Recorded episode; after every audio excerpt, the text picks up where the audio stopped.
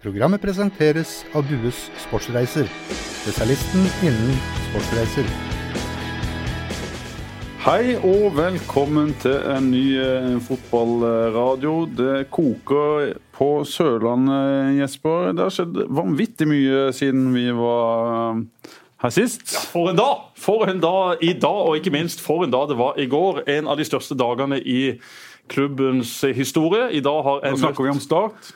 Ja, snakk om Start. Ja, eh, Det beklager jeg. Eh, Vi glemte kanskje å si det. Det var jo da ikke eh, fotballradioen Gimletroll, Våg eller Jerv.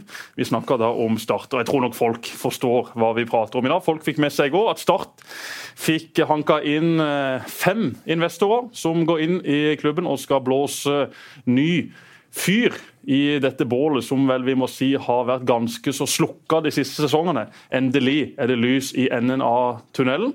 Det er ikke bare lys i enden, det er også lys inni tunnelen. Så dette ser ekstremt spennende ut, og det merker du også på folk. Jeg har uh, lest mye på Facebook, Twitter, masse artikler selvfølgelig, og så har jeg møtt mange på gata. Da jeg gikk eh, et par hundre meter i dag. Jeg pleier jo å parkere rett ut forbi her, da, men det var fryktelig mye biler. Det regner jo.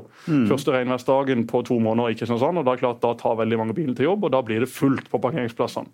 Men det folk sier, ja Jeg hadde ikke tenkt å kjøpe sesongkort neste sesong, men nå skal jeg selvfølgelig kjøpe. Så eh, det skal ikke mer til enn et par investorer, og at uh, vår gjest her i dag fortsetter, så er det plutselig troa på at det er mulig å levere gode opplevelser, gode fotballkamper, på Sparebanken Sør Arena igjen. Ja. Og dagens gjest, da.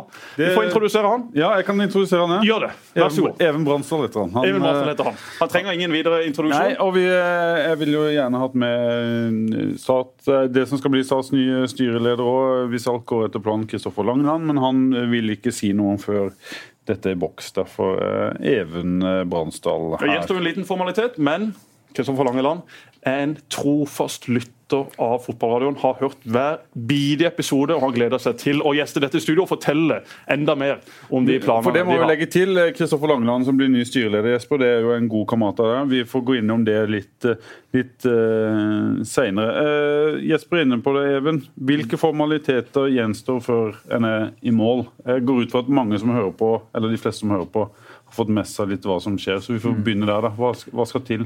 Jeg kan fortelle litt hvor vi står hen. Nå er det et styre som står enstemmig bak og det å samarbeide med dette eh, aksjeselskapet, som heter Start en drøm AS. Det er jo et fantastisk navn i seg sjøl. og Det virker som alle ønsker dette, og så skal det innkalles et ekstraordinært årsmøte.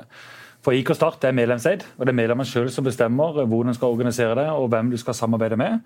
Og så har vi lagt ut alle dokumentene på vår, hjemmeside, sånn at medlemmene kan se gå gjennom dette i ro og mag. Og så, eh, så lenge styret står 100% bak dette, også representert ved underavdelingene, så tror jeg nok at vi har klubbens eh, fulle støtte til å faktisk gjennomføre dette. Tror, hva tror du kan være eh, ting som kan hindre det? Du, det- du, jeg skjønner at du tror jo ingenting kommer til å hindre det, men har du forberedt deg på noen, noen uh, ting du må bekjempe, eller dere må bekjempe for å klare å, å, å komme i havn med dette? Nei, Jeg tror mer at det kommer litt, litt spørsmål. Folk er sikkert nysgjerrige. Langsiktigheten, kapital, organisering eh, Bransjen de er i, kanskje? Bransjen eh, vil sannsynligvis også være et eh, naturlig spørsmål oppi dette. Men jeg tror det er rett og slett mer fordi det man, man ikke isolert sett, jeg tror man isolert sett ønsker virkelig dette velkommen, men man ønsker å vite litt mer hvilke beslutninger du tar på, på vegne av klubben. Så, eh, så det kan være også litt sånn opplysninger som vil komme på årsmøtet. Eh, Så syns jeg det står godt beskrevet i, i dokumentene, men det er jo ikke alle som leser de. Folk leser jo Feven og overskrifter og, og ser hva som står der. og så og så tror jeg dette skal bli en, eh, en merkedag i, i Starts historie. Det var det allerede i går, syns jeg. Eh, Og så tror jeg at eh, årsmøtet egentlig bare closer den, at nå kan vi begynne å se litt framover. Eh, folk spør om først, kommer dere til å hente noen nye spillere i sommer? Det er jo sånn standardspørsmål som eh, kanskje ikke du går rundt og tenker mest på, men som folk er veldig opptatt av. Hva svarer du til det? Ja, altså det, det kan være en eh, naturlig konsekvens, det. At vi henter, uh, henter inn noen spillere i sommerens, uh, sommerens overgangsvindu. Det har jo selvfølgelig litt å si med hvordan det gjør nå. Det skal jo spilles et par kamper før, uh, før dette, og overgangsvinduet åpner vel i, i midten, slutten av juli. Så vi har jo, vi har jo litt tid på, på oss. Men, men det er klart vi har satt et mål her, at opprykk etter årets sesong. Og For Dere presenterte i går målsetning for, eh, for dette. ja. Det, det, gjør det, og da ønsker vi å legge til rette for at vi skal få det til. Og Jeg merker jo bare i dag, jeg sa litt i garderoben og prata litt med Simon Larsen og Rolf Dane Vikstøl og Henrik Ropstad, og Nils Fortoren og, og Tobias Christen som kommer innom. Men det er klart, Du merker jo på, på gjengen at uh, det er god energi uh, fra å egentlig å snakke om overskrift om tidenes uh, laveste tilskueroppslutning på Sparebanken Sør Arena til plutselig Oi, plutselig er Start kanskje blitt en veldig kul klubb. Vi skal være litt annerledes. Vi skal vi skal by litt på oss sjøl, være offensive. og som jeg sier til gutta, at jeg må vite det at eh, Disse som står bak, som ønsker å investere, de ønsker å investere i vi som er her. Og dette skal vi ta videre sammen. Så Det er jo en tillitserklæring til, til hele klubben, tenker jeg. Også mm. spillere og alle de som representerer IK Start i dag.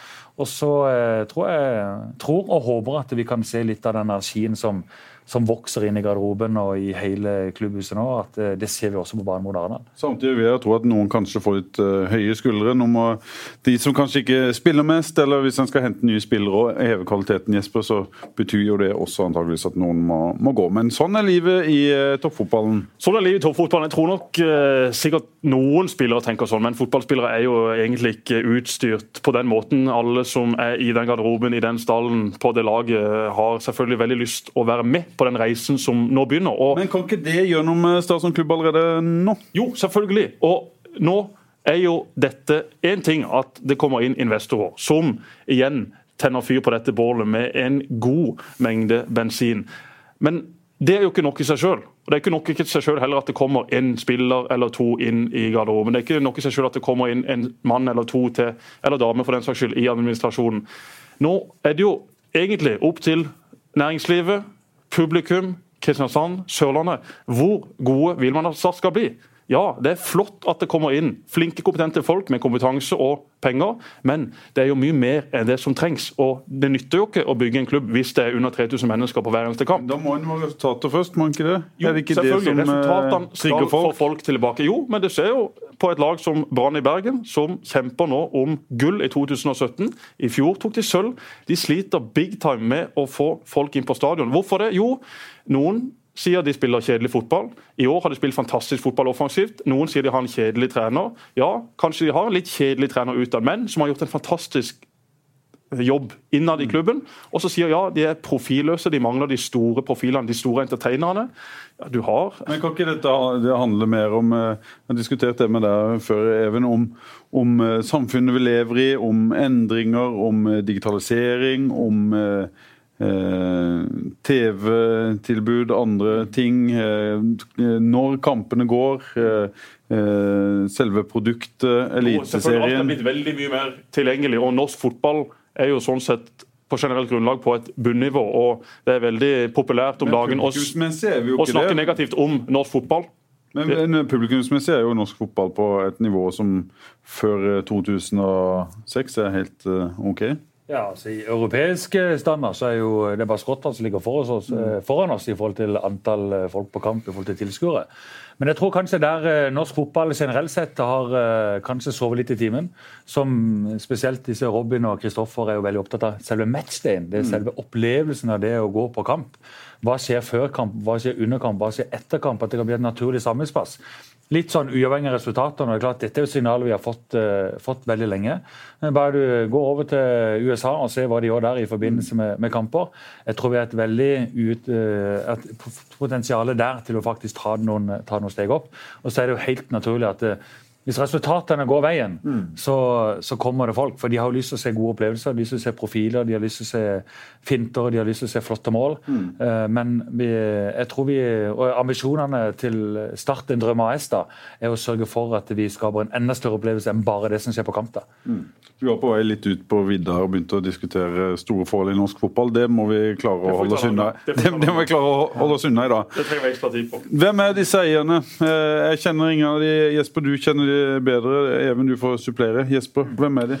Eh, først skal jeg dra en historie fra i går som gjorde at denne avtalen eh, mellom disse investorene og Start nesten velta. Eh, det var i går formiddag Kristoffer Langeland, som da den ene eieren, skulle reise til Bergen for å besøke Kjetil Aasen, som er en av de andre eierne dette var en reise som var planlagt i lang tid, og de skulle ha et møte om noe annet enn Start. Det er klart at Timinga var ikke helt i verdensklasse. Men i alle fall, Langeland lander i Bergen, tar en taxi inn til Bryggen i Bergen, der eh, Mr. Aasen har sitt eh, kontor. og Langeland åpner døra, og Aasen eh, kommer mot han og sier Hva i all verden er det han Bransdal holder på med? Eh, Bransdal holder på med, sier eh, Langeland. Eh, hva, hva tenker du på? Nei, Bransdal! Inne på VG nå! Der henger han altså i et stativ på et lager og sier at han elsker å tjene penger! Det var jo ikke dette Det var ikke dette vi skulle kommunisere i dag! Det var ikke dette vi skulle kommunisere i dag! Vet du hva, Langeland? Dette har jeg nesten blitt litt i tvil på om jeg vil være med på. Og Langeland, stakkar Dette er en sann historie. Dette er en sann historie. Selvfølgelig litt krydra fra min side, men uh, vi må jo fortelle han uh, så han skal bli bra. Og den er basert på en veldig sann historie. Langeland da, blir med han bort til PC-en. og går jo inn der på VG, og det er jo VG pluss-sak, så de får jo ikke lest teksten, men det holder jo for Langeland å se bilder. Der henger, der henger jo da Einar Øgrei Bransdal i ei lagerhylle på netthandelen og overskriften 'Jeg elsker å tjene penger'. Og han sier jeg skjønner det at For en bergenser eller en som bor i Bergen, så er det kanskje litt vanskelig å skille Einar og Even, men dette er heldigvis bror til Even, og det er ikke Even som henger her i dette bildet. Og eh, det gikk heldigvis eh, greit. Skjønte Da gikk han, da signerte dere aksjonæravtalen rett etterpå. Ja, da var det bare for signert, og da endte det ikke med at de kastet den i søpla. Men ja, hvem disse Det- det eierne? Kristoffer Langeland har jo drevet eh, et selskap som heter Odds Model. Eh, Hva er det de driver med? Oddsmodel er et selskap som har eh, vært flinke på å utvikle teknologi. De har brukt mye statistikk, analyse. De har også plassert spill i oddsmarkedet opp igjennom. De ble kjøpt opp av GIG for en liten stund tilbake. Dere hadde sak på det nå nøyaktig det var, ikke helt sikkert halvannet to år siden. I mars i fjor, kanskje? Ja. Og eh, bare så det også er avklart, Kristoffer Langeland er da en av mine beste kamerater, en nær omgangsvenn. og også der jeg er ansatt ved siden av, eller ikke ansatt, men der jeg leier meg inn til ved siden av TV 2 i, i Odds eh, Model. Han eh, ble jeg kjent med da jeg begynte å spille i Start 2. Da var han eh, høyre back. Eh, Jeg var sentral midtbanespiller spiss, og han skjønte jo egentlig da at jøss, jeg kommer ikke til å bli noen fotballspiller, for her er lista lagt opp noen knepp. Og da ga han seg med, med det. Han var en ja, Han liker jo sjøl å kalle seg en offensiv høyreback. Jeg har jo eh, i et eh, intervju en gang eh, på lurer på om det var på Nettavisen, fikk spørsmål om hvem som var min verste motspiller eh, noensinne. Og Da svarte jeg at det var Kristoffer Langeland, en lokal tredjedivisjonsspiller, en skikkelig kjøttbekk. Og best uten ball, men faktisk ganske god på langpis- langpasninger. Trapper nå ned i Solbygg i fjerde divisjon. Det sa du bare for å være hyggelig han? Eh, Det sa jeg litt på fleip. Jeg svarte også eh, på fleip en gang da jeg ble spurt av dere faktisk i Feven hvem som var min agent, for da lagde dere en oversikt på ei dobbeltside over hvem spillere som hadde hvilke agenter. De fleste svarte jo Stig Liljo, Jim Solbakken osv. Den gjengen der. Jeg svarte Kristoffer Langeland, og det kom på trykk. Så den har han hengende på sitt eh, kontor. Det er en av hans største dager. Da han ble omtalt som min agent. Han eh, har da vært eh, gründeren av Oddsmodel, han som starta det, sammen da med Mats Nesse, som eh, er en annen jeg kjenner fra fotballen for mange år siden. Kommer fra Birkeland. Var en av de aller beste spillerne i 86-kullet.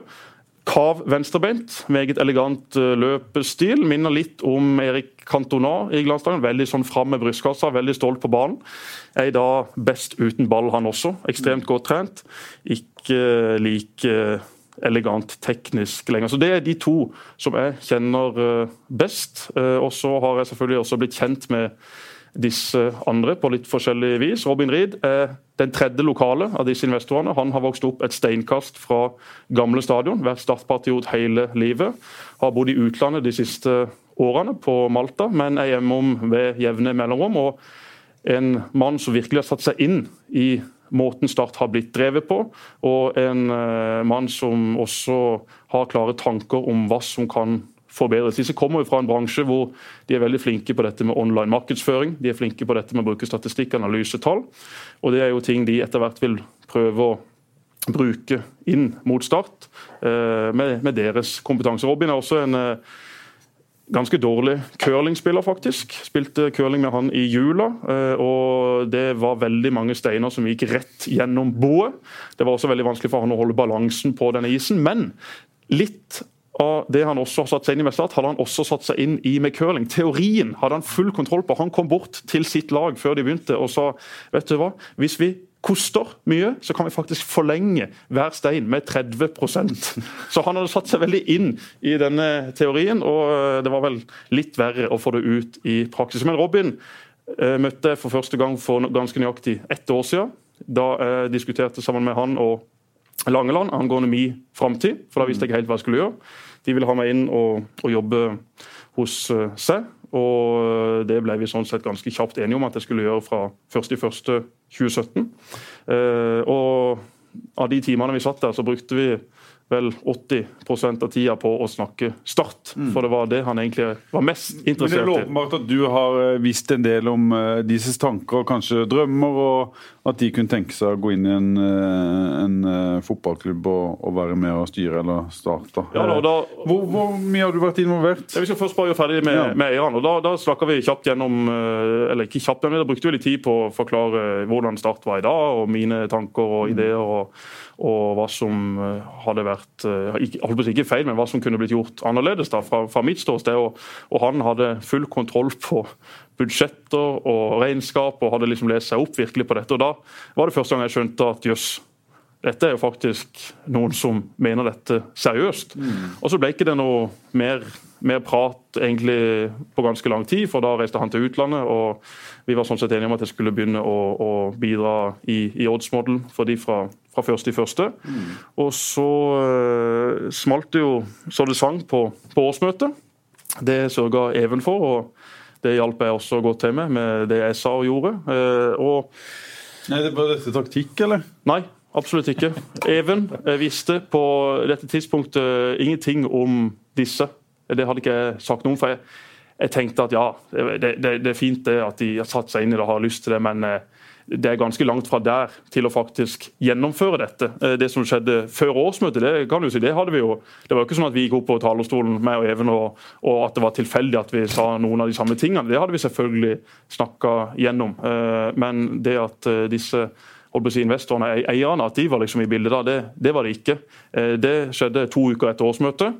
Da eh, meg og da Kristoffer Langeland, som har kontor vegg i vegg nede her i byen, rett ved, ved, ved Bystranda, da sa han eh, du, Det vi snakka om for en ganske god stund siden, det vi har diskutert litt og snakka litt om og, og drodla litt om, det har vi lyst til å se om vi kan få gjennomført. Og jeg tenkte ja, OK, det, det, det gjør ikke noe. det Jeg kan sette det i kontakt med, med Even. og og ba Even om å finne tid til et møte. og Even var vel klar ganske, ganske tidlig til å Jeg kan komme ned når det passer dere. Da kom Even ned, og vi satt bare og snakka løst og fast om, om Start. Og, og, Even hadde jo da gitt beskjed om at han skulle gi seg, og forklarte begrunnelsen for det. og så ja, etter, det, etter de timene vi satt der, så har sånn sett eh, jeg trukket meg litt tilbake, fordi at det har egentlig ikke jeg hatt så veldig mye med. Da har Even og Kristoffer og styret kjørt uh, dette videre. Men uh, i den Da, da ble det lagd en bitte liten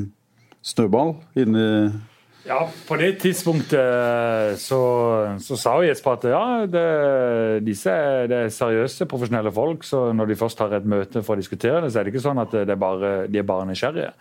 Men fra det tidspunktet der hvor jeg hadde sagt opp, og var på det tidspunktet der var jeg lei, altså. Må jeg ærlig talt si det. Jeg var jo ordentlig fyr og flamme, og det var jo ganske lenge etterpå. Eh, men, eh, men de var veldig tydelige på at eh, etter vi fant ut vi hadde ganske mange fellesnevner, at dette kan være mulig å få til, eh, men hvis vi skal få det til, så må du være med, Even. Mm. Og på det tidspunktet sa jeg ja, selvsagt så kan jeg det. Det følte ikke var noen forpliktelse i det hele tatt. Eh, men selvfølgelig. Det, hvis vi kan få til noe sånt, så er jo det kjempebra. Så det så du et, selvfølgelig et lite frø, hvor du begynner å tenke den, eh, den tanken. Men det tok jo litt tid da, før på en måte etter som ble kjent med Kristoffer at Men nå skjønte du at dette er alvor? Eh, jeg ble utfordra av Kristoffer. ok, hva, hva, Et tenkt scenario. Hva skal til for at Start kan oppnå visjonen sin om fem år? Tenk langsiktig. Eh, hva slags kapital eh, trengs til rådighet? altså Rammer rundt dette for å føle den fleksibiliteten at du faktisk kan ta de riktige valgene. Og så sa jeg ja, men det, det skal jeg gjøre. Og så eh, så jeg brukte jo litt tid på å lage en, lage en presentasjon og tenkte å få legge litt arbeid i det. At ikke det er sånn fingrene, i, fingeren i lufta. Og se litt på ja, jevn, altså Hvis man oppnår bedre resultat og bruker mer penger på, på spillerstall og eventuelt kan eh, organisere det på en annen måte, øke de kommersielle inntektene både for billettsalg og sponsorinntekter, så fant jeg ut en god plan som jeg presenterte for dem. Og da eh, kobler jeg opp også Robin eh, på, i samtalen. Så da satt vi tre og egentlig gikk gjennom dette, og de hadde mye spørsmål. Var femårsplan eh, på en måte en utgangspunkt? Også. Det er jo sagt nå kommet frem at ti år er det en en uh, bidrar med i ja. første omgang, og går inn med, med 40 millioner. En, uh, en totalramme, da, vel det som uh, kom frem gjennom årsmøtepapirene. Ja, altså min, min, min, oppgave er å sørge for at når du legger opp en femårsplan, altså når du har fullført en femårsplan, så skal egentlig klubben være bærekraftig uten at du trenger tilførsel kapital. At du faktisk har nok inntekt til å dekke kostnadene sjøl. Mm. Det var hele casen min bygd opp rundt under. Og, så, og, Da er det jo helt naturlig at de tenker enda mer langsiktig enn det. For hvis du først har klart å få, få snudd dette, så har de selvfølgelig lyst til å være med på det. Så, eh, men som jeg sa også til dem, at eh, ja, du kan lage så mye planer du bare vil i fotballen. For du vet aldri hva som skjer. Men, men, dette kan jo være en sånn pekepinn på, på hva som kreves. Mm. Eh, og så er det jo egentlig snakk om jobben du gjør, hvem du ansetter, hvem du tar med deg på veien. Riktige folka, de kan skape mye. Eh, så det er egentlig veldig mye investering i kompetanse. De riktige, riktige menneskene som kan være om bord. Og så var det vel eh, påske. Eh, og så rett i etterkant av påske så fikk jeg da beskjed om at Even, vi har gitt hverandre 48 timer mm. før vi eventuelt kan kommentere oss for, for dette. Så da får du beskjed.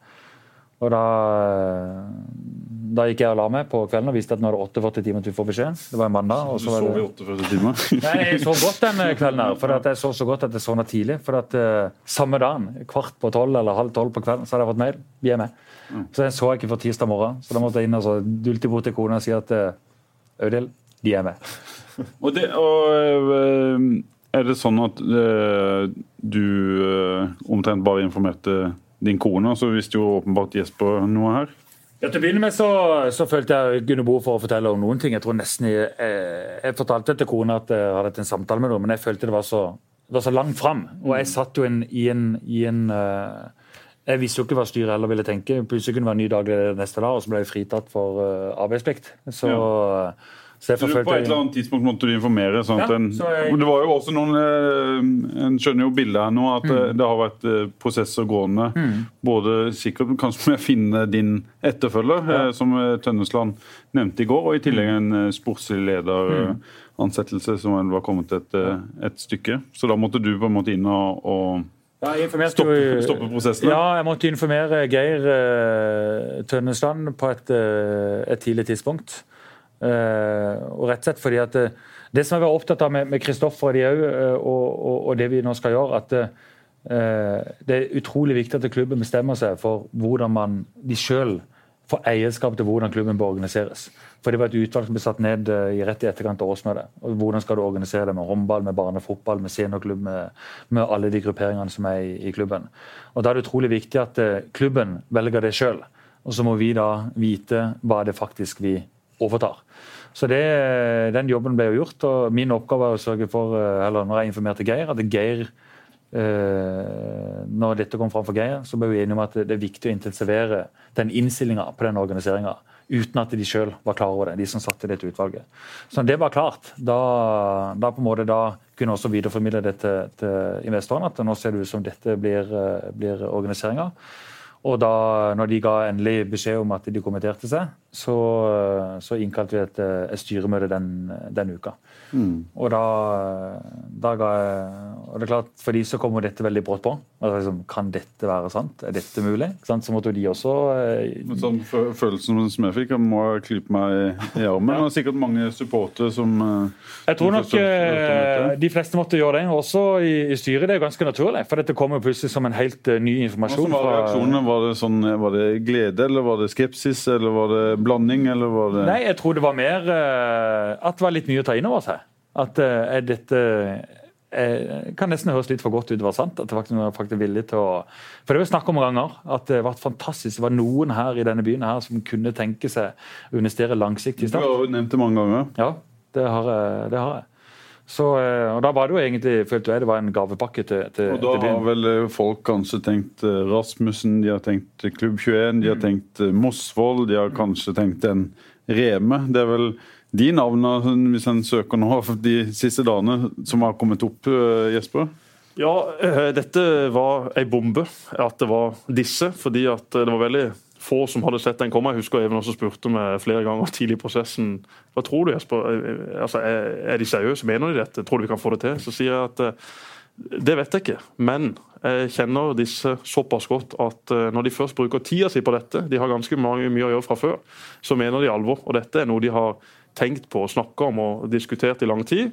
Og, og, det at de da til slutt tok det steget, var jo ei bombe for mange. Det var, det var også ei bombe for, for sine, mange av de sine nærmeste. For det er klart dette har vært uh, veldig uh, lukka, veldig få som har jobba med det. og, og uh, og Det viser jo at eh, det også har vært lojale folk som har sittet og jobba med det. For det tok eh, ganske lang tid før det begynte å lekke ut noe som helst informasjon. Og Så skal jeg bare fullføre de, de to siste eierne som ikke jeg fikk eh, snakke om i stad. Den ene var jo da mannen som ja, ikke klikka på Bransdal i går, men han begynte jo å lure hva Bransdal var ute og sa i, i, i VG. Men det er da Kjetil Aasen, som er visstnok veldig god i sjakk. Den klart beste i sjakk av disse fem investorene. Han er fra Sandane, bodd i Bergen i mange år.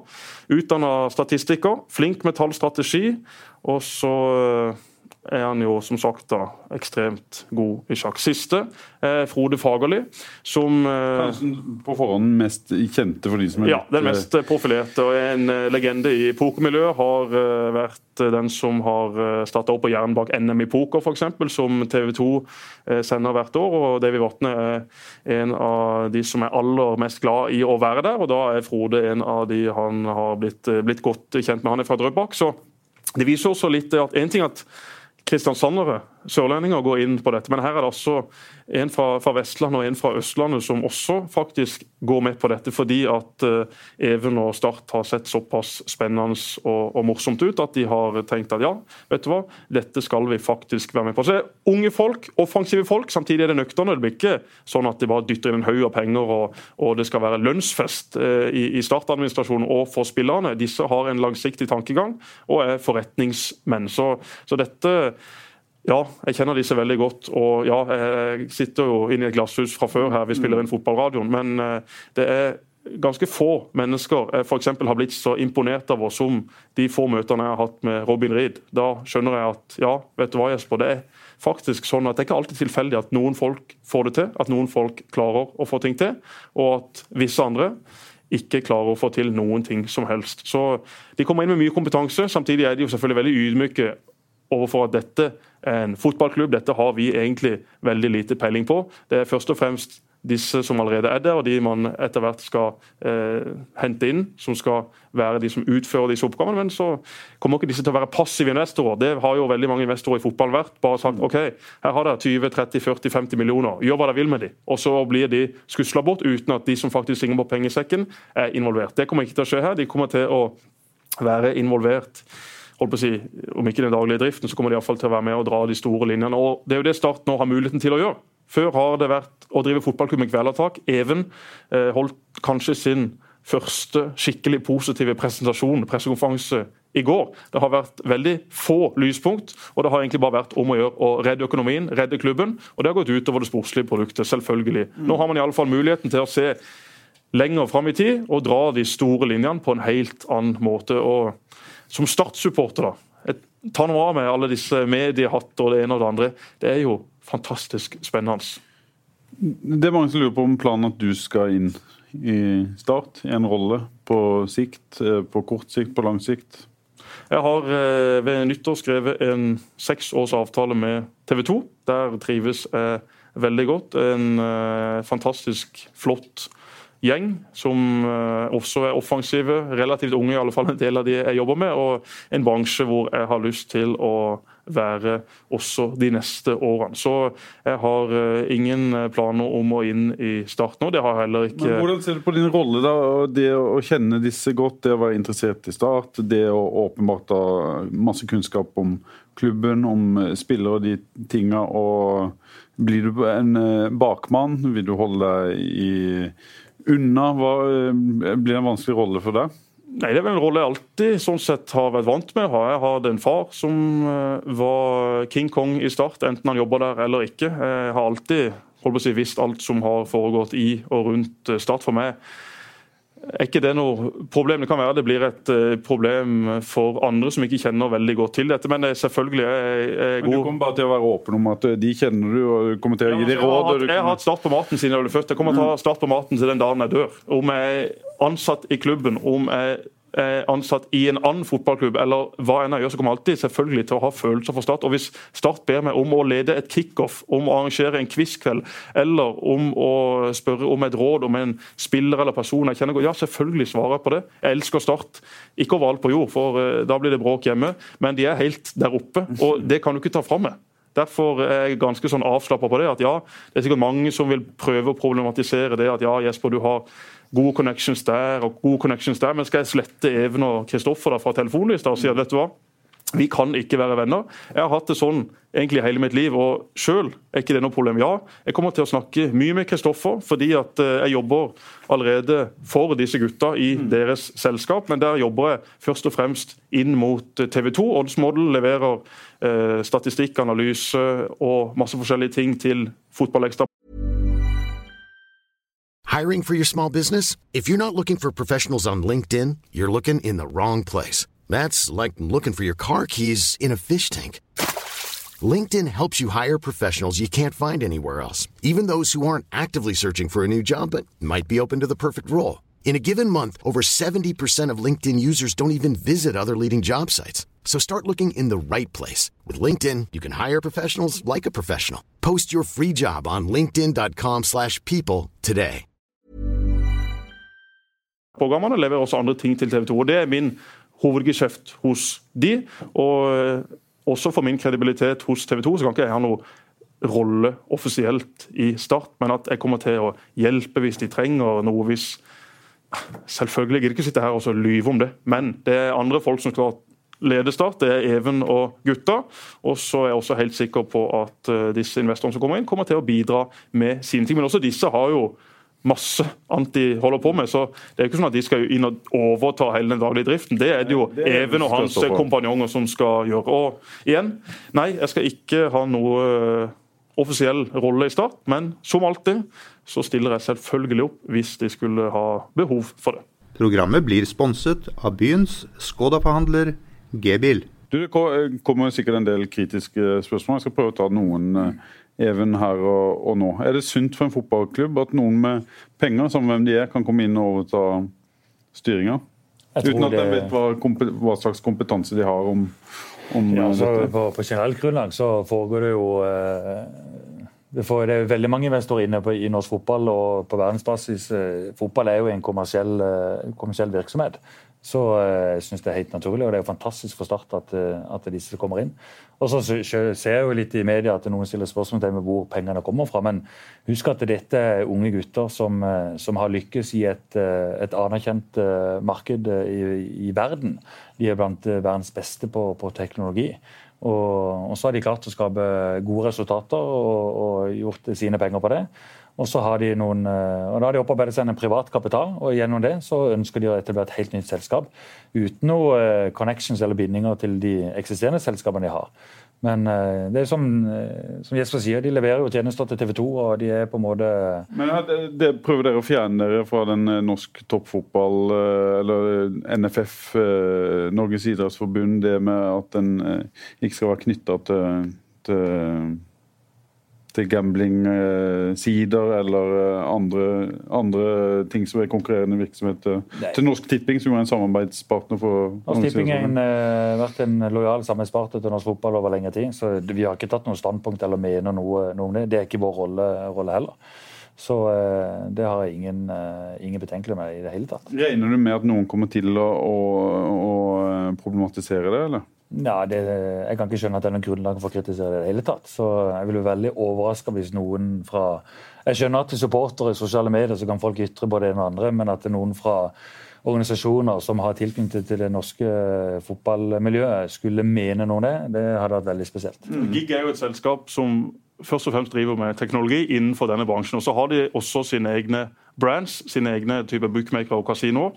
Eh, men det er jo liksom ikke hovedgeskjeften de sin. Ja, spørsmålene tror jeg også vil komme, men vi må huske på da at Norges Fotballforbund solgte rettighetene for å vise norsk fotball til Discovery. Som jo har masse penger fra internasjonale spillselskaper. Så mm. om f.eks. For forbundet eller folk rundt forbundet eller klubbene skulle begynt å kritisere dette, ja, da kaster de så mye steiner gjennom glasshus, og de ville flytta meg fra dette glasshuset vi sitter i akkurat nå. Jeg har en kollega her som uh, ikke skal navngi, som mener at Start nå er forut for sin tid. At uh, kommer til å skje noe med spillmonopolet kanskje i Norge i løpet av en uh, fem-tiårsperiode. At det kommer flere sånne typer aktører på banen. Jesper, du som er, sikkert har mye tanker om, om dette. Uh, er Start en pioner?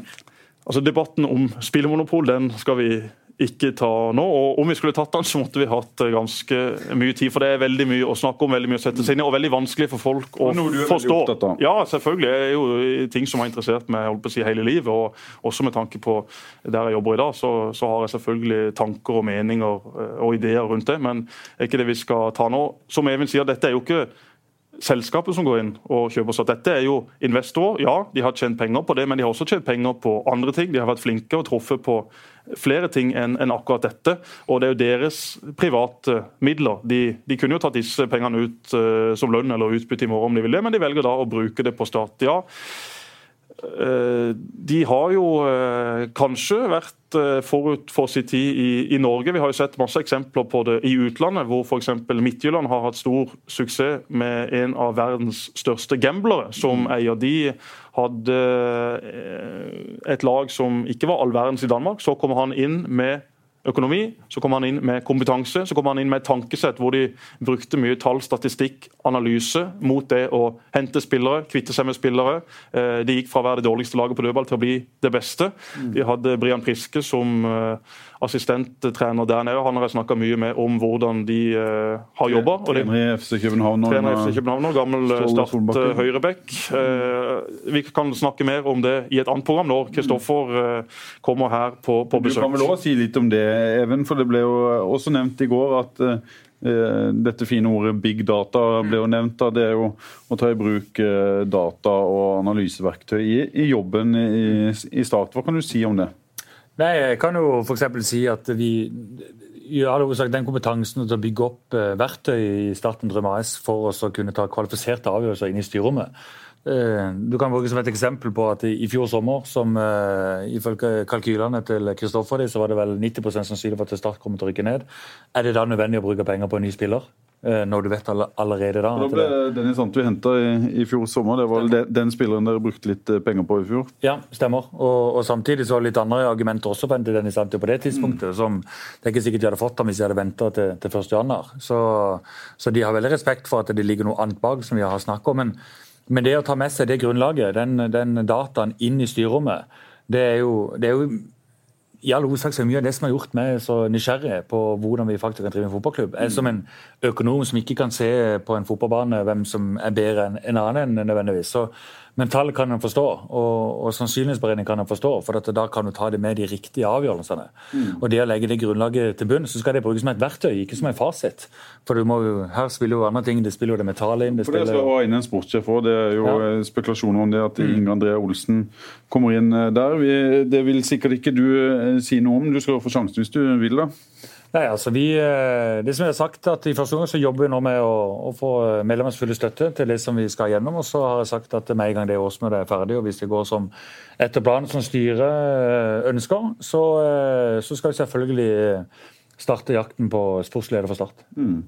Og, og, Som selvfølgelig skal da være med å ta sportslige beslutninger sammen med, med deg og, og, disse, og hjelp av analyse mer enn tidligere. Nettopp. Ja. Eh, økonomisk eh, bloddoping er noen som spør om. Eh, luftslott. En har hatt Solero og Ravnås her tidligere, som kanskje var historisk sett, når en ser hva de gjorde med å bygge en ny stadion og sånne ting, enda større og mer penger. Er det noe en kan lære ved å, å, å se litt tilbake i, i tid for, på hva som ble gjort den gangen? Ja, jeg kan si Erik Soler sendte meg en melding i går og ønska oss lykke til med å ta start i toppen av norsk fotball. og eh, Det mener jeg også var veldig godt ment, så jeg takker veldig for det. Ja, Han klarte det jo, selv om ja. det var mye etter den perioden ja. som gikk skeis med Start. Så husk at det, da, det var jo spesielt i den perioden her hvor det ble høyst opp i norsk fotball, og det var arenaer og det var ditten og datten. og, og så Jeg tror vi har tatt mye lærdom av det. og så jeg tror det er viktig å påpeke at disse investorene gikk inn i Start nettopp fordi at vi har vist at vi har tatt ansvar for egen økonomi og at vi har vært nøkterne. Og det er jo den linja de ønsker. De er ikke så jeg tror ikke Tallene og kapitalen er jo ikke det viktigste her, men, men det er jo snakk om hvilken ambisjon og hvor vi skal bygge det. Det er de eh, mest opptatt av. Så jeg tror den lærdommen som klubben har hatt, og, og også gjennom de årene som jeg har vært der, og, og fått lært litt på veien, så håper vi kan bruke noe av det til å faktisk eh, faktisk ha det mer kvalifiserte, gode avlsvenn i framtida. Så nøkternhet vil også være et stikkord i dette. Det er ikke noe sånn kjøpefest og, og spretting av champagne. Det er hardt arbeid som ligger foran oss, og spesielt nå i startfase, når ting skal liksom sette seg litt. Så jeg tror vi skal være godt rusta. Du må si litt om organiseringa òg. Det er mange som lurer på det. Hvem skal eie spillerne i Start? Hvem skal tjene penger på spillersalg osv.? Ja, I første gang så skal det være en såkalt dualmodell. fordi at eh, Det er jo idrettens regler som sier at det er klubben sjøl som har den sportslige myndigheten i forhold til kjøp og salg av spillere, ansettelse og avskaffelse. Det er en lov hos Norges idrettsforbund, rett og slett? Det stemmer. Så Tidligere når det var IK Start og Start toppfotball, så var det eh, rent juridisk er det jo IK Start som velger spillere, ansetter spillere og sier opp kontrakter hvis det skulle være, være nødvendig. Så er det da de samarbeidende selskapene, som nå er Start en drøm AS, som overtar de kommersielle rettighetene. Sponsorinntekter, billettinntekter, netto spillersalgsgevinst og, og dette.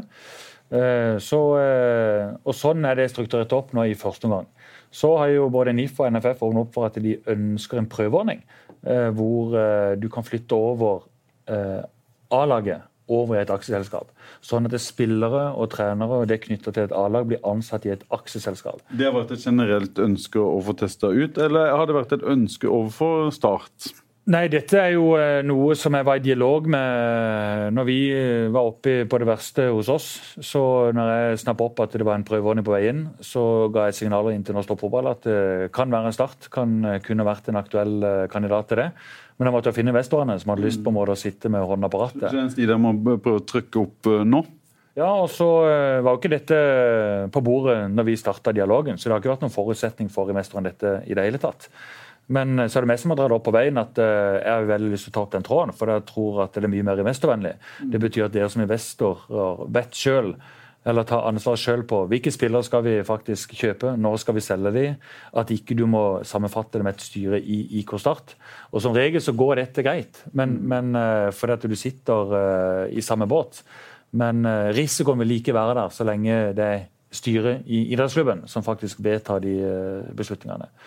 Så jeg har tro på at det, vi kan Det det du har vært innom, at en fra Sånn det har vært junioravdelinga, en fra mm. håndballavdelinga, mm. er med å bestemme om f.eks. Mathias Rasmussen eller Kristoffer Ayer skulle selges. Det er litt de tinga der du vil, du vil hindre? Ja, altså eh, sånn som klubben har vært nå, da det er bare medlemseid, så er det jo styret som, som fatter de vedtakene. Mm. Eh, men også når det blir en dualmodell, så er det jo fortsatt styret som fatter de vedtakene, men selvfølgelig i samråd med, med investorene. Mm.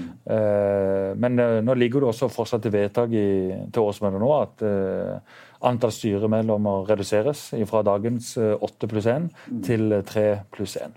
Hva er sjansen for at det blir et, aksje, et rent aksjeselskap som, som, styrer hele driften i, rundt uh, toppfotballsatsinga for, for, Start? Ja, Flytte over A-laget til, til, Start, så vi skal gå i, i Start en drøm sin, uh, sin gate, så vil jeg tippe den sannsynligheten på iallfall 75 ja.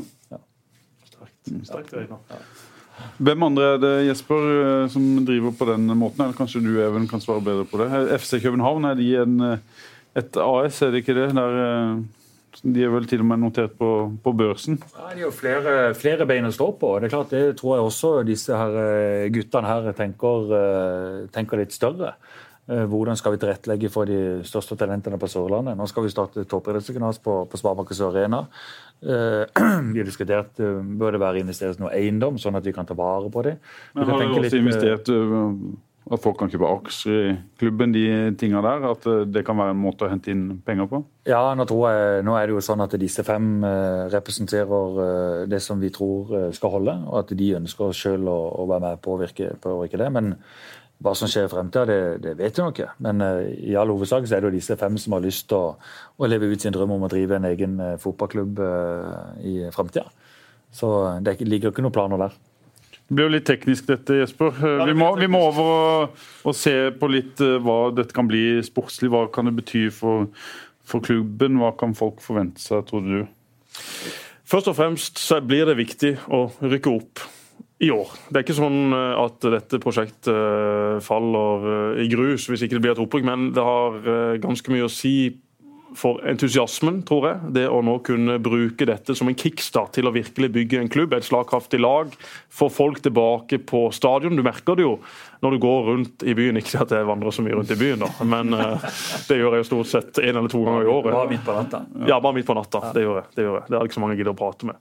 Men uh, du merker det i alle fall på folk. da, Sosiale medier, på SMS-er. Det er jo stort sett der jeg møter folk mm. via telefonen min. Og, og de er, det er liksom tent en ny gnist, det er tent et nytt håp om at yes, steike, så spennende, dette vil vi være med på.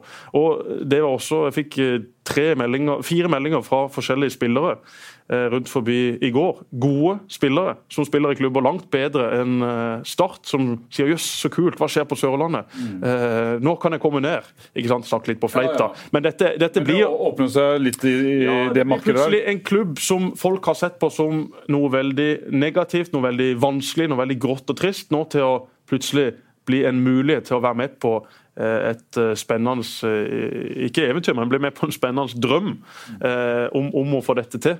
Og Det er jo det jeg håper og tror at også folk i og rundt Kristiansand skal føle litt på. For altså, det har jo vært good night så mye mørkt og kjedelig og trist Eh, både på banen og utafor eh, de siste årene. Det kan alle som har vært involvert i dette innrømme. Jeg har selv vært involvert i masse dårlige kamper eh, og, og tatt masse dårlige avgjørelser både på og utenfor banen. Både privat og på jobb og hele pakka. Men, men nå kan dette Det kan det er jo ikke gitt at, at, fordi at man har penger og god kompetanse at man skal få det til. Det er fotballhistorien full av eksempler på at ikke skjer. Men det gir i alle fall forutsetninger og, Dette Moneyball-greiene, det er vel klubber der som har bomma. Liverpools, eh, når de henta Andy Carroll for eksempel, fra Westham Det er veldig mange eh, som har bomma eh, på å bruke Moneyball for holdt på å si, utelukkende det. Og så har de ikke brukt det som faktisk er det viktigste. Det er øynene som er trent til å se om det er en god signering eller ikke. Men hvis du kan... Så er det bare én ting der, ja, Jesper. Bare stopp der. Eh, en ting til i forhold til analyse og hva som skaper entusiasme. F.eks. Slatko Tripic Tripic. Hvis du gjør en eh, analyse av Slatko Tripic, så ville det vært et stort rødt kryss over hele hans eh, hode. Men hvis Start faktisk henter Slatko Tripic, så vil jo det gjøre noe med entusiasmen.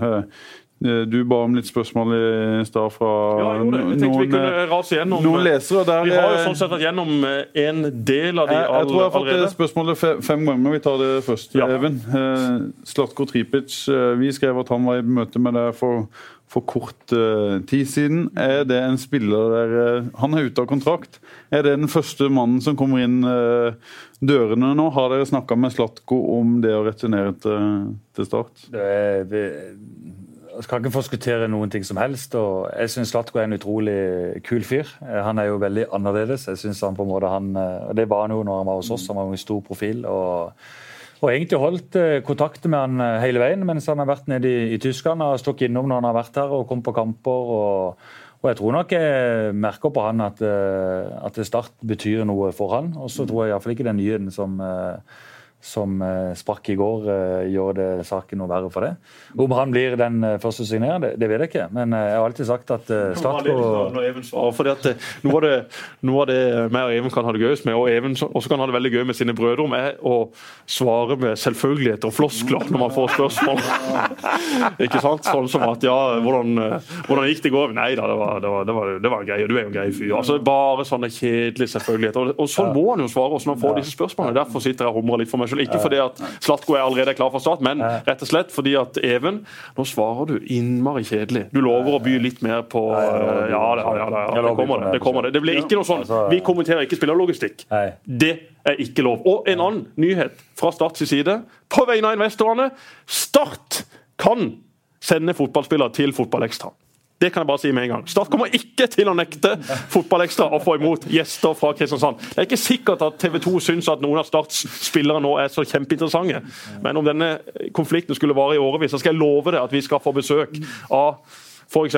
Zlatan Ibrahimovic, om han skulle stille i gul drakt neste sesong. Han er jo også da ønska fra Ole Gilbo Hermansen. Verdens største SAS-supporter. Får vi råd til Zlatan nå? Det er et spørsmål. Vi, eh, vi, har vurdert uh, Zlatan. Uh, jeg tror vi klarer å, å, lønne det kanskje en måned eller et par uker, men ikke noe mer enn det. Så jeg tror det blir litt for, litt for kortsiktig. Fra René Nattvig, ja. Mr. Babymadden, som ja. vi alle kjenner godt til. En fantastisk stor startpatriot. Han spør at økonomien nå kan få hvile litt, er perfekt. Hva tror du mannen i gata vil oppleve som den største forskjellen fra gamle start? Vi har vært litt innom den, Vi skal plukke ut en ting eller to som, som du tror at uh, ja, de som vandrer opp og ned markens, vil, vil merke at jøss, her er det faktisk skjedd en, en, forskjell? Ja, Det er jo troverdigheten. Troa på at det faktisk, eh, nå kan det, nå kan det faktisk eh, skje store ting på Sørlandet. For jeg tror vi har egentlig alle erkjent innerst inne at du, du ønsker gjerne at Start skal være et overraskelseslag. Men, men det har nødvendigvis ikke sett nødvendigvis sånn at vi, vi, kan forvente at vi ligger helt oppe i toppen. Nå tror jeg vi skal legge hodet litt på blokka og så si at i et, i et, perspektiv nå på de neste årene, så skal faktisk Start være med og regne med helt til toppen. Og Det kan jeg si med troverdighet, eh, troverdigheten i behold. Og Så er det et spørsmål fra Andreas Hagen. I og med nå at det kommer inn eh, nye penger, nye investorer osv. Det er ikke, ikke Andreas Hagen som spiller i Jerv? Det... Nei, det kan jo være Andreas Hagen i Jerv som bare har et litt eh, profilbilde som ikke ligner på han sjøl, men det er nok ikke han, dessverre. En, en god fotballspiller, Andreas Hagen, i Jerv altså. Men han spør da, Andreas Hagen som ikke spiller i Jerv, skal Even eller han, altså, skal du selge huset nå, eller skal du ikke selge? Du har jo hatt et hus uh, ute til salgs. Det har ligget en stund. Er det sånn nå at i og med at det har kommet inn enormt med milliarder i start, at du nå trekker det fra markedet, eller er det fortsatt til salgs? Du, det står fortsatt til salgs, men jeg har jo eh, tross alt ikke brukt så veldig mye tid på det akkurat, uh, akkurat nå. Nei. Greit. Da har vi bare Ole fått rulla det. Hermansen har ja. et spørsmål. Kan det bli aktuelt å hente tilbake Mathias Williamson? Ja, altså Mathias Wilhelmsson er jo en, eh, en, god spiller som, som leverte veldig bra. Da tar du svaret til ja, Even. Eh, nå har han jo eh, også levert bra i Rosenborg de gangene han har fått spille der. og Skulle han ønske seg tilbake til Sørlandet, så er selvfølgelig det en spiller jeg vil ta og ta. Jeg, jeg, vet at du hører sjøl at det er kjedelig. Ja, men Du kan jo ikke si noe annet! Derfor er det ikke noe vits å spørre om det. Jeg, jeg skjønner det, men jeg kan stille spørsmål på en litt annen måte, som kanskje er litt mer interessant. da. Dette, betyr dette at dere kan antageligvis se på en annen hylle enn dere har gjort før? Soleklart. Ja. Og Hvilke hyller har du sett på før? Det har jeg ikke lyst til å kommentere. på nåværende tidspunkt. Det er greit. det var greit. Og Så er det også noen spørsmål fra Mats Thorsen. Dette er litt innom dette med Moneyball. Det har vi snakka kjapt om. Ja. Det kommer vi til å snakke mer om når vi faktisk får disse gutta på besøk. Kristoffer han kommer til å komme. Så som ikke vi skal få lurt inn Robin her også når han først er i byen. Så det er bare å glede seg til hva de har eh, å melde. Og Så spør også da Mats Thorsen hvilke, altså Hvordan kommer relasjonen mellom klubb og supportere til å bli? Eh, det er jo sikkert det han mener, at ikke nå man skal fjerne seg fra supporter, fjerne seg fra de som har jobba dugnad i klubben, fjerne seg fra de som er glad i Start. Dette blir vel nøyaktig det samme, og kanskje enda bedre enn, det det har vært før. Ja, ja. Det kunne, hvis han er f.eks. heier på et lag i Premier League altså Sånn er fotballen i dag. Eh, og Lidenskapen for fotballen og klubben vil være like stor uavhengig om det kommer et sammenhengende selskap eller ikke. Jeg synes det er egentlig helt uvesentlig. Ja, veldig bra. Og så er vi også innom dette med de som heier på lag i Premier League. Vi har jo snakka om det før. Men nå er det snart sesongstart igjen. Da kommer det altså til å stå 50-100 vis av supportere nede på Harvis og skrike 'You motherfucker referee', bla, bla, bla. Og 'Come on, Liverpool! Come on!' Altså, Stå i Norge og skrike på engelsk! Med engelsk drakt og engelsk køye! Vet du hva? Glem det! Ja, Se gjerne kampene fra England. Fantastisk underholdning. Men ikke stå og skrik på engelsk på et norsk utested sammen med en hel haug av andre menn som har litt for høy promille til tider. Jeg kan bare ikke forstå det! Jeg kan ikke forstå det. Jeg kjenner mange som gjør det.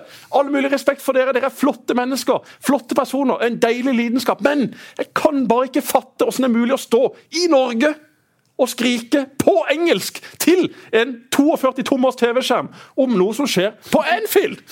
Det kan jeg ikke forstå. Kom dere heller på kamp i Eliteserien 2018, for da skal Start levere kanskje ikke prestasjoner helt opp mot Premier League-nivå, men ja, gjør nå begge deler, da! Ikke skrik dere hes på Harvis, for det har ingen effekt. Det har null effekt! Det er ingen som hører dere! Alt enn de som står rundt dere. Sammenligningen med Premier League er egentlig helt irrelevant. for Det er snakk om det patriotisme, det er snakk om det lokale. lokale Men, altså, men den er jo relevant når kamper kolliderer, f.eks. Så Ja, er det jo en det eh, er relevant. Men da, altså, jeg personlig da, jeg har jo aldri Jeg har ikke ett favorittlag. Jeg synes det har vært utrolig gøy opp gjennom årene å lese tabeller. Så jeg har alltid valgt ut et lag i hvert eneste land, og så har du fulgt med og lest. og Det syns jeg har vært interessant. Men aldri fulgt med på, på altså, Skjønner du hvordan du klarer å få følelser i gang for et lag i en annen by, i, en, uh, i et annet land. Du vet ikke navnet på gata engang, du vet ikke hvem som bor der. Du har ingen bekjentskaper der i det hele tatt. Det er noen store stjerner som er der, god fotball for all del. Men lidenskapen, den har ikke jeg forstått. Men jeg syns det er utrolig gøy med Start. Opp gjennom alle år. Jeg har gått på mer eller mindre alle startkamper siden jeg var 12-13 år. Og så selvfølgelig det norske landslaget var på sitt aller aller beste, og Myggen briljerte. Da var jeg på mye fotballkamper. Da reiste jeg til eh, Oslo. Jeg reiste, var faktisk nede i Rotterdam, og så Norge slo Spania i, i 2000. og med, Det var og- det var gøy. og tre, to av brødrene mine og en kompis Ole Jakob Strand var med. og Vi tok med en bil og parkerte utenfor McDonald's og så vi bilen i to netter på rad. Dusja ikke, pussa tenner, spiste frokost og middag og kvelds på McDonald's. Ja, det er kjempegøy. Det er det jeg mener. Det er, det er jo den lidenskapen. Men der er vi jo alle forskjellige. Ja, vi er alle forskjellige, og det er jo mange eksempler på at folk er veldig opphengt i engelsk fotball ja, og det kommer alltid til å være. Engelsk fotball har et fantastisk eh, produkt og blir jo tross alt sendt på Norges eh, mest og mest populære TV-kanal. Så jeg forstår at det er en ting folk vil få med seg, men de som står og skriker på en norsk pub på engelsk Altså, vet du hva? Glem det, da. Glem det! Klokka tikker og tida flyr. Jeg tenker at vi må sette sluttstrek. Hvis ikke det er noen som har posta noe at de er glad i noen på Facebook. Jo, er det noen som er det irritert? også Der har vi jo det- vært innom. og Det er klart at eh, Det er de to tingene som irriterer deg mest. De som uh, står og skriker på engelsk foran TV mens de ser på engelsk fotball, og de som poster på Facebook at de er glad i sin samboer det er- eller Det er det, så eh, sin det, det, kone. altså, jeg holder på å spy av det. Altså, det, er, det er for meg mye verre. Altså, en ting med dette supporterne, det sies med litt glimt i øyet. Jeg har jo sånn sett stått og skreket sjøl hjemme. Ikke på engelsk, riktignok, men på norsk. Da var jeg riktignok en god del yngre enn det jeg er nå. Jeg var ikke 45 og hadde tre barn og, og full jobb. Det er du heller ikke nå, Jesper. Nei, det er jeg ikke. Jeg hadde vel ingen av de delene jeg sa nå. Så kanskje jeg kommer der en dag. Men i alle fall, ja, det er mye rart som skjer på Facebook. Eh, men vi skal ikke ta den remsa i dag også. Men folk skulle ha vært undervisning i sosiale medier. En ting de unge de lærer seg dette. Der er det en skole i skolegården som faktisk lærer deg opp til hva du skal gjøre, og hva du ikke skal gjøre. Men disse 40-50 pluss som sitter hjemme på sine laptoper, på sine smarttelefoner, og sender altså 'elsker deg' til ei som sitter en halv meter unna, med masse hjerter og masse skryt. Altså, da, da må det være noe galt i forholdet ditt. Da må det være noe galt. Ja, personlig mitt forhold, ja, vi har det fint, vi, men har problemer til tider. Vi krangler, vi slåss, vi skjeller hverandre ut. Men vi legger jo ikke ut melding på Facebook og sier det. At jeg er glad i det, setter pris på det. Gratulerer med dagen. Eh, Even, at hver gang han krangler, så legger han ut uh... Vet du hva? Even, Even er en av de som får av meg Hvis jeg finner noe som irriterer meg på Facebook, så må jeg ha noen sånne kanaler hvor jeg bare får blåst det ut. Sånn at jeg får ut litt energien. Før spilte jeg fotball, trente, spilte kamper, kjefta på dommere, medspillere, motspillere. Nå spiller jeg ikke fotball. Jeg må jo få ut energien på et vis, jeg også. Da blir det en liten rant i, eh, i fotballradioen, og så blir det mange ranter på Facebook. Inn i diverse grupper jeg er med i der. Deilig! Det er bra. Så, Ja. så, og så lærer du jo opp folk som hører på fotballradioen, ikke minst. Og, ja, det er bra. Eh, Vi sier takk for i dag. Takk, Even, for at du kom og fortalte litt om eh, klubben. Jeg tror det var lærerikt for, for mange. Så kommer det sikkert masse nyheter der etter hvert. Det er jo gull for oss i Federlandsvennen nå, det må jeg si. Ja, hvordan var det sakene lest? Altså, var, var det fornøyd med jo- klikkene? Det har jo eksplodert. Selvfølgelig har det det. Det er det statsstoffet som har vært mest lest på lang, lang tid i år. Nå har ikke jeg vært inne og, og studert uh, tallene, men uh, det, uh, vi blir jo eh, vår eh, Vi er jo lovprist at folk er interessert i Start for at de skal lese om det. Og nå det viser jo bare at interessen antageligvis kommer til å bli mye større. men det må sportslige resultater til. Det er Men det er jo interessant da, Bål, at uh, lesertallene om Start har vært økende for hvert eneste uh, år. Ja. ja. Det er jo en, en, trend selvfølgelig også som henger sammen med at lesertallene på nett øker og ja. øker. og Folk sitter sikkert mer inne og leser enn det de gjorde for, for tre år siden. Men det sier også noe om at uh, at utfordring er å få folk på kamp. Det er ikke en utfordring at folk ikke bryr seg om uh, Start. For oss er det en uh, kjempemulighet. For uh, Tenk hvis de som følger med på årsmøtet, tenk de som leser nyhetene i VVN, nå tar turen på kamp. Det betyr at det er en latent, vanvittig stor interesse det, for Det er det ingen tvil om. Hvis alle de tar turen på kamp, så er det faktisk godt at Sparebanken Sør Arena er bygd sånn at det er mulig å sette på én etasje til. Ja. Tenk for en lykke! Ja, Og en fotballkamp varer mindre enn et årsmøte. Og da tenker du om en utbygging av ja, arena. Du tenker ikke ta vekk flagget? Nei, nei, nei, nei. flaggene må jo vekk. sånn sett. Men det er jo faktisk mulighet på den stadion til å sette på en etasje til! Den er dimensjonert på den måten. Hvor mange er det plass til da, Eivind? Eh, er dere der? Er det bare å gjøre det med en gang? Ja, det er eneste sannsynligheten for at vi trenger en etasje til. som... Eh, men jeg tror vi ikke skal ta enda.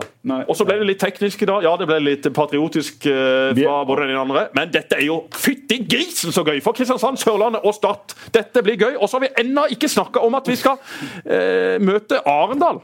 På tirsdag! Ja, Mathias Andersson kommer på besøk med sitt Arendal, som tapte første kampen sin mot Bodø-Glimt. Nå kommer han altså fra Søm, kommer han til å kjøre. Han bor jo der. Feil side var bra, nok om det. Eh, kommer da til å komme Det blir en tøff test for Start, som kommer til å ha alles øyne retta mot seg. Masse ekstra press med tanke på det som har skjedd den siste tida, de dårlige resultatene som har vært i det siste. Arendal de ligger helt nede i bunnen av tabellen med Jerv. De må selvfølgelig begynne å ta poeng. Jeg tror de vil ta mer poeng fremover nå med Mathias, men de har noen tøffe kamper her i starten. Jeg gleder meg. Tirsdagskamp på Sparebanken Sør Arena. Det kommer litt folk eh, østfra og sikkert eh, Even. Jeg kjenner ja. mange selvfølgelig i Arendal, der jeg kommer fra. Til og med min far vurderer nå å gå på sin første startkamp på 150 år. Uh, Nei, det, blir en, eh, det, blir en, gøy kamp. Og så er det jo litt sånn uh, litt ekstra interesse selvfølgelig om det som har skjedd i det siste. Så jeg håper kanskje det også gjør at kanskje folk har lyst til å stille litt opp. Jeg syns viser litt interesse for klubben og viser disse guttene som skal investere såpass mye at dette setter vi stor pris på. Så, men en fantastisk gøy kamp er jo dette vi har snakket om. og Slaget om Sørlandet har ikke blitt så veldig stort slag enda. Nå ligger Jerv Arendal helt nede i bunnen, og vi ligger der vi ligger. så den, den uh, rivaliseringa har ikke vært så Lufta gikk fort ut av den ballongen. Ja. Nå har Jerv også en tøff bortekamp mot Sandnes Ulf på søndag. Den eh, blir uh, viktig for Jerv, som vi må gratulere med å ha gått videre i cupen. Ekstremt Det skulle vi jo aldri gjort, for nå blir jo alt fokuset på den kampen mot Rosenborg. Jo, jo, men det er nå iallfall gøy for ja. Jerv og for Rune Jacobsen og Jerv å få Rosenborg på besøk. Det blir jo Kjempegøy for Rosenborg den, da, å komme til Grimstad i Ja, få litt sol på kroppen. Det er alltid hyggelig. Det er alltid hyggelig. Tenk deg det. Det må være Ja, de møtte Start i noen kvalikkamper, men det å få Rosenborg på besøk ja. må jo være Jervs største kamp noensinne. Er du uenig i det? Nei. Jeg, Nei, jeg kjenner ikke Jervs historie helt tilbake. Altså. Ikke, men i alle fall, eh, så lenge jeg kan huske, så må jo dette være Kanskje ikke den største kampen, men det største laget de møtte. i hvert fall. Ja, ja. kanskje det. Ja. Kanskje det. Men det er fint, eh, gutter. Takk for at dere kom. Vi sier takk for i dag. Vær så god. Takk. Programmet presenteres av Dues Sportsreiser spesialisten innen sportsreiser.